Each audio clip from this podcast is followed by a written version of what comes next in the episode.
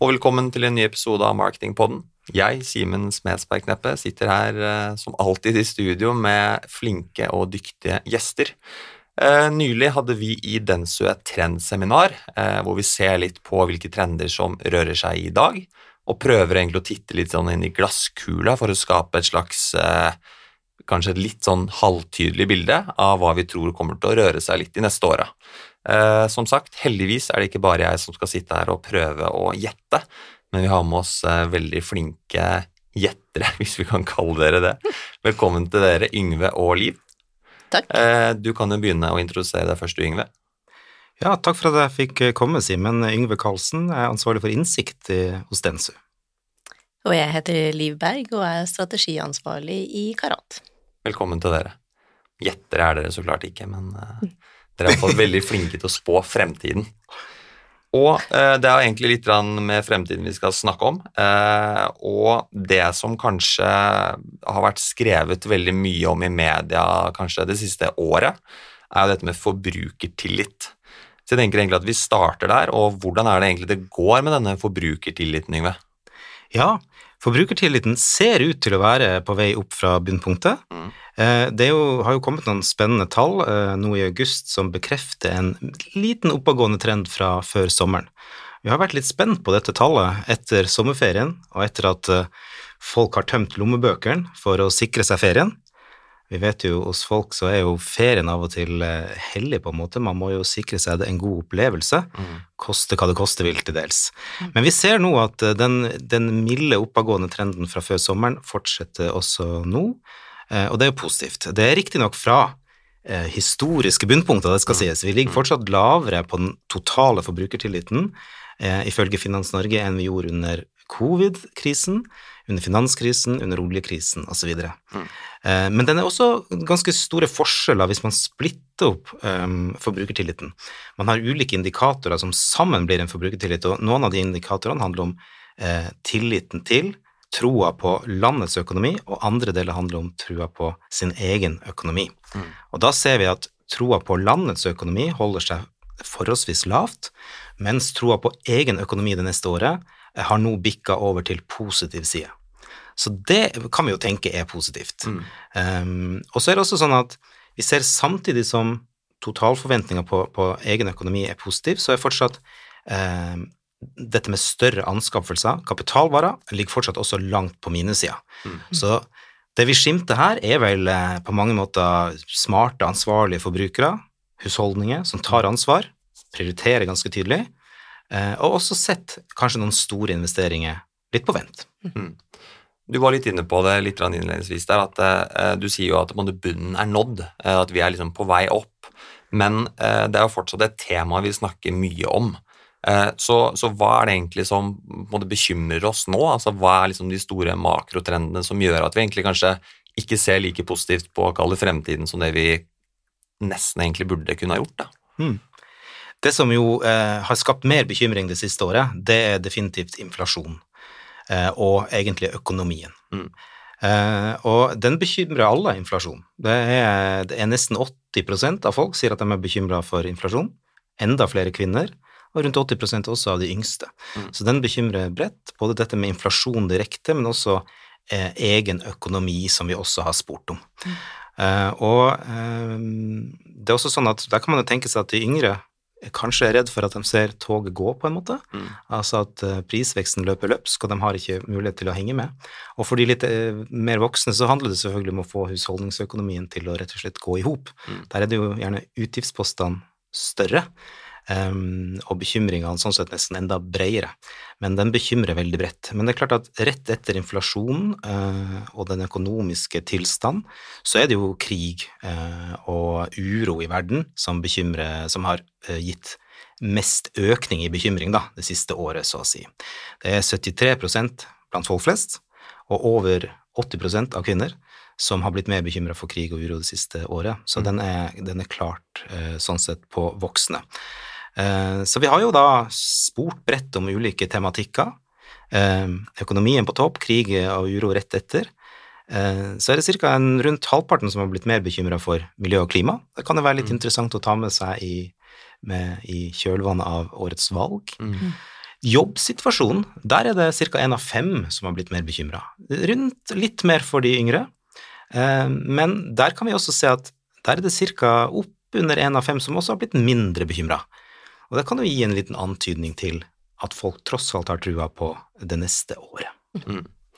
Og hvis vi prøver å dykke litt sånn ned i hver enkelts person privatøkonomi, økonomi, hva er det eh, folk flest tror at egentlig kommer til å påvirke eh, på de kjøpekraften deres eh, fremover? Mm. Det er matvareprisene som scorer høyest der. Mm. Eh, av ti er bekymra for det.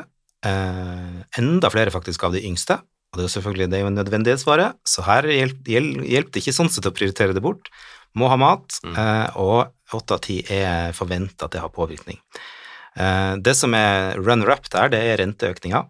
Der er det selvfølgelig en stor forskjell mellom de godt voksne og generasjon Z av de yngste. Der er det oppunder 60 da, som, som mener at det vil ha en stor påvirkning på økonomien. Det er selvfølgelig de med boliglån som er mest bekymra der. Ellers kan vi si at strømprisene bekymrer ca. halvparten av befolkninga, og det er jo kanskje litt interessant også. De har jo dalt litt i det siste, men heng igjen. Mm. Så der er bekymringa vesentlig. Um, men det kan vi også se at når det gjelder strømpriser og drivstoffpriser f.eks., så er det jo stor forskjell på landet. Så det er også et aspekt som er viktig å ta med her. Vi har snakka litt om yngre og eldre, men også den langstrakte geografien er jo viktig for hvordan folk oppfatter fremtida.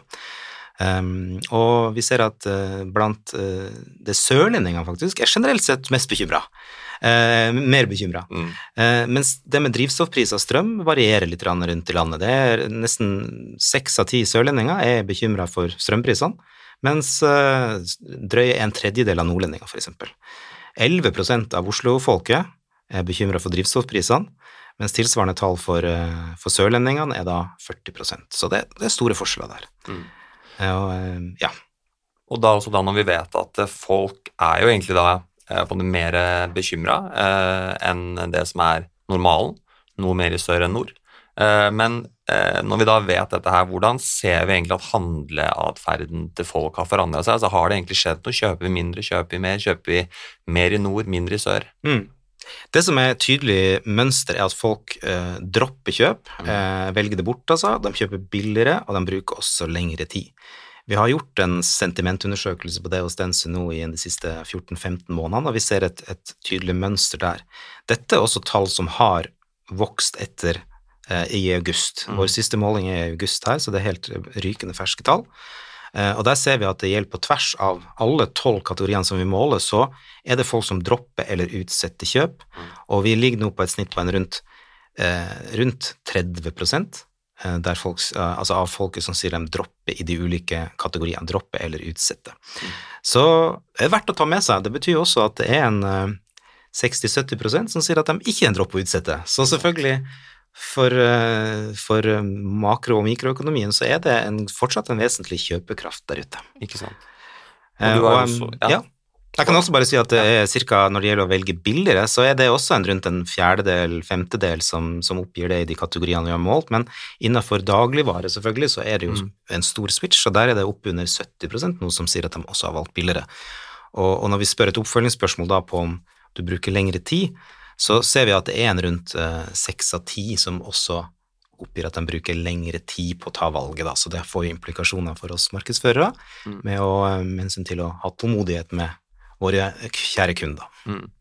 Eh, du er inne på at det er jo egentlig en relativt liten del som sier at de velger å droppe større kjøp, eller droppe kjøp i det hele tatt. Mm. Men det er jo kanskje en del som eh, de gjøre litt forandringer i hvordan de prioriterer kjøp. Altså det er kanskje noe man gjør mer av, noe man gjør mindre av. Kan du si litt om det? Ja, det er et veldig godt poeng, og det handler jo ofte ikke om å droppe hele, hva skal vi si, kalle det kategorien, men heller å slanke det ned.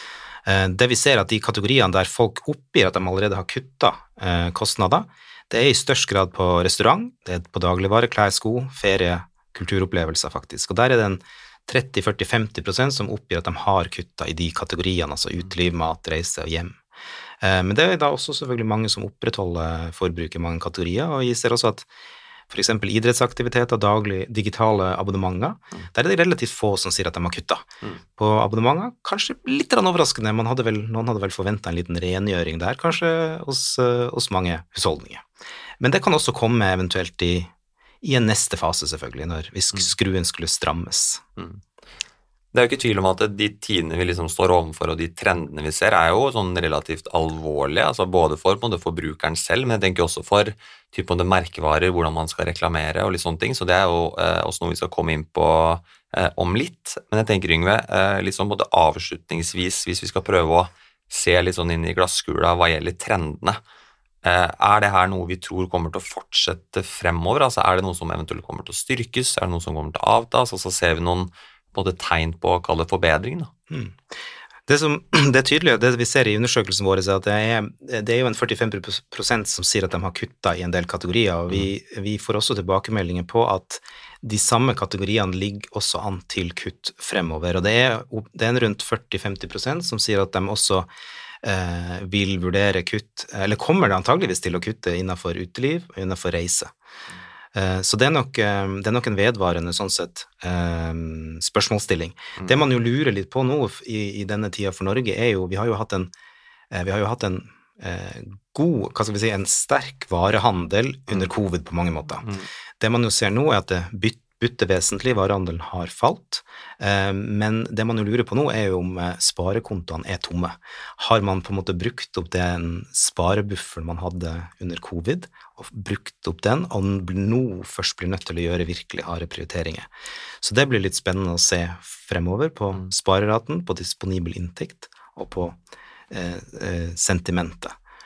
Det vi, det vi ser sånn på, på, forbrukernivået, så er det jo at vi kanskje skimter en litt annen type forbruker, eh, som søker rasjonelle valg, som mm. søker gunstige programmer, eh, kanskje også som søker høyere kvalitet i færre kjøp. Vi, vi, vi, har noen datapunkter som på en måte tyder mot det. Eh, at man velger seg til lojalitetsfordeler, at man er villig til å prøve nye produkter hvis de gir en, en verdi for pengene, men ikke nødvendigvis prøve det for gøy på samme måte som tidligere, men for å få de gode dealene, rett og slett. Og det er jo ikke noe tvil om at eh, litt det du er inne på, Ingves, skaper en veldig sånn kompleks verden for egentlig på markedsførere, eh, og da egentlig litt over til deg, Liv. Hvordan er det egentlig eh, typen markedsførere kan kalle tilpasse seg liksom den nye type handleatferden? Litt som Yngve sier, det er jo ikke bare en sånn shopping spree lenger. Du må kanskje liksom være enda flinkere til å komme med de gode argumentene for hvorfor man skal velge eh, meg. da. Mm. Eh, det er riktig, og det er litt vanskelig. Og det å gi på en måte entydige råd og svar til hva man skal gjøre, er også vanskelig. Men vi har jo prøvd oss, mm. Eh, og det ene er jo som Yngve sier, at kundereisen er jo lengre. Altså det å ta et valg fordi man bruker lengre tid. Det betyr jo da at du som markedsfører må også bruke den kundereisen til din fordel. Så hvis du er til stede med markedsmidler, ha bred dekning, ha høy frekvens, prøv å fange opp uh, leadsene via søk, for eksempel. Hvis du derimot er en markedsfører som kanskje ikke har muligheten til å bruke like mye penger som før, da må du virkelig ha en tydelig avsender i det, sånn at når du er i media med kommunikasjon, så er det veldig lett å kjenne deg igjen, det er veldig tydelig hvem du er og utnytte det vi kaller brukssituasjonene til forbrukeren. Det som, som, så fint heter category entry points, sånn at uh, man husker deg mye tydeligere, altså som merkevare. Og litt som Yngve sier, vi har blitt kanskje litt mer rasjonelle som forbrukere. Da er det kanskje også viktig å være litt mer rasjonell i budskapet mm. og i innholdet, sånn at det er veldig tydelig på hva er det fordelene er for forbrukeren. Så det er én del av det, som mm. handler om kundereisen. En annen del handler jo om pris, eh, siden pris er viktigere for forbrukeren. Så ha en bredde i prissettingen, eh, gjerne alt fra lave prispunkter til høye prispunkter, sånn at eh, forbruker har større valgmuligheter.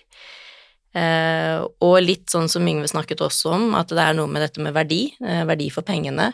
Prøv å ha litt type tre for to-kommunikasjon, eller kanskje gi en ekstra verdi som gratis frakt, hvis det er mulighet. Noen sånne type grep kan være bra. Uh, og fordi at forbrukeren også kanskje er litt mer opptatt av lojalitetsprogrammer eller fordelsprogrammer. Bruk tiden til å se på hvor attraktiv fordelsprogrammet ditt er. Se om det er noen ekstra ting man kan gi. Pusse det opp, gjør eh, den delen ganske sømløs. Uh, og så er det litt dette med å sette ting i perspektiv. Fordi at selv om det er 30 som kanskje utsetter kjøp i noen kategorier, så er det jo likevel da 70% som ikke gjør det. Så husk å ha litt is i magen. Eh, ikke nødvendigvis gå liksom og prøve å annonsere at, eh, som om du har et opphørssalg, men prøv å ha litt is i magen på hvem merkevaren er, eh, og stå for det, selv om det er tøft. Ja, det er vel litt det som kan være noen av rådene vi kan si til mm. markedsførere. Mm. Og det er jo ikke noe tvil om at det er en ganske sånn eh, på det bred miks du typen foreslår. Det er jo på en måte alt fra bruk mye penger eh, for å være ganske synlig. Eh, og for de som ikke nødvendigvis har de midlene, så handler det om å da bruke de midlene så smart som mulig. Mm. Eh, vi har jo snakket om trender, har, det, og det her er jo ikke typen det første episode vi gjør det. vi har også snakket en del om bærekraft også tidligere. Det er jo ikke noe som kommer fram nå, men det er jo heller ikke noe som er glemt. Kan dere si litt om type bærekrafttrendene, eller hvordan vi ser på temaet bærekraft også da fremover? Ja, vi kan det. Vi valgte å ikke gå i dypdykk denne gangen, eh, men det er noen tendenser som Yngve kan fortelle litt om. Ja, det er jo et spørsmål som har versert i bransjen, kan vi si, i hvert fall et års tid, etter at mm. en, man begynte å, en dyrtid begynte å eh, manifestere seg, så å si, så har man jo da tenkt ok, hva skjer med bærekraften, Rekk, når det opp på prioriteringslista til, til husholdningene? Um, der kommer vi jo tilbake med en, eh, flere nye undersøkelser utover høsten, og også et seminar som vil fylle på med det. Men det er klart at vi skimter en litt uh, Bær bærekraften, så å si. Vi skimter nok en litt lavere interesse for bærekraft i de målingene vi har gjort nå i august. Mm. Det er um, flere som sier at de ikke søker aktivt etter miljøvennlige produkter. Um, og det også, eh, oppgis også en noe lavere betalingsvillighet f.eks. For, for bærekraftige produkter. Mm. Den totale betalingsvilligheten også uh, for, la oss si, bærekraft gjennom et år, har også falt en del. Mm. Uh, i rett og slett i penger. Uh, og, og, det er i stor grad fordi det er en litt større bolt som rett og slett sier at jeg vil betale ingenting. Mm. Um, så, så, det er kanskje også noe å ta med seg. Men det er klart at bærekraften som tema eller driver, er jo også eh, litt under en modningsprosess. Så det er klart at folk kanskje ser det litt annerledes eh, også enn tidligere. Noen vil si at dette er hygiene, på en måte, det skal selskapene levere på, mens andre er mer aktivt opptatt av å Eller betaler gjerne mer. Vi ser også liksom, kanskje noen tendenser til at uh, den yngre generasjonen er litt bevisst på dette med greenwashing. Så de sluker ikke nødvendigvis at, uh, at et selskap er bærekraftig bare fordi de sier det, de må også vise det og bevise det. Mm. Men her er det, som Yngve sa, eh, et dypdykk på gang eh, som er ute i felt nå, eh, sånn at vi kommer tilbake igjen til mye mer om det i midten av november cirka. Først gjennom et seminar, og så deretter så ønsker vi helt sikkert å komme tilbake igjen hit til podkast for å fortelle mer om det. Det høres veldig, veldig bra ut. Og med det så tror jeg at eh, det er det vi rakk for eh, i dag. Eh, tusen takk til dere begge for at dere tok dere tid til å svinge innom her, og så snakkes vi nok igjen. Takk. Takk. Ha det bra.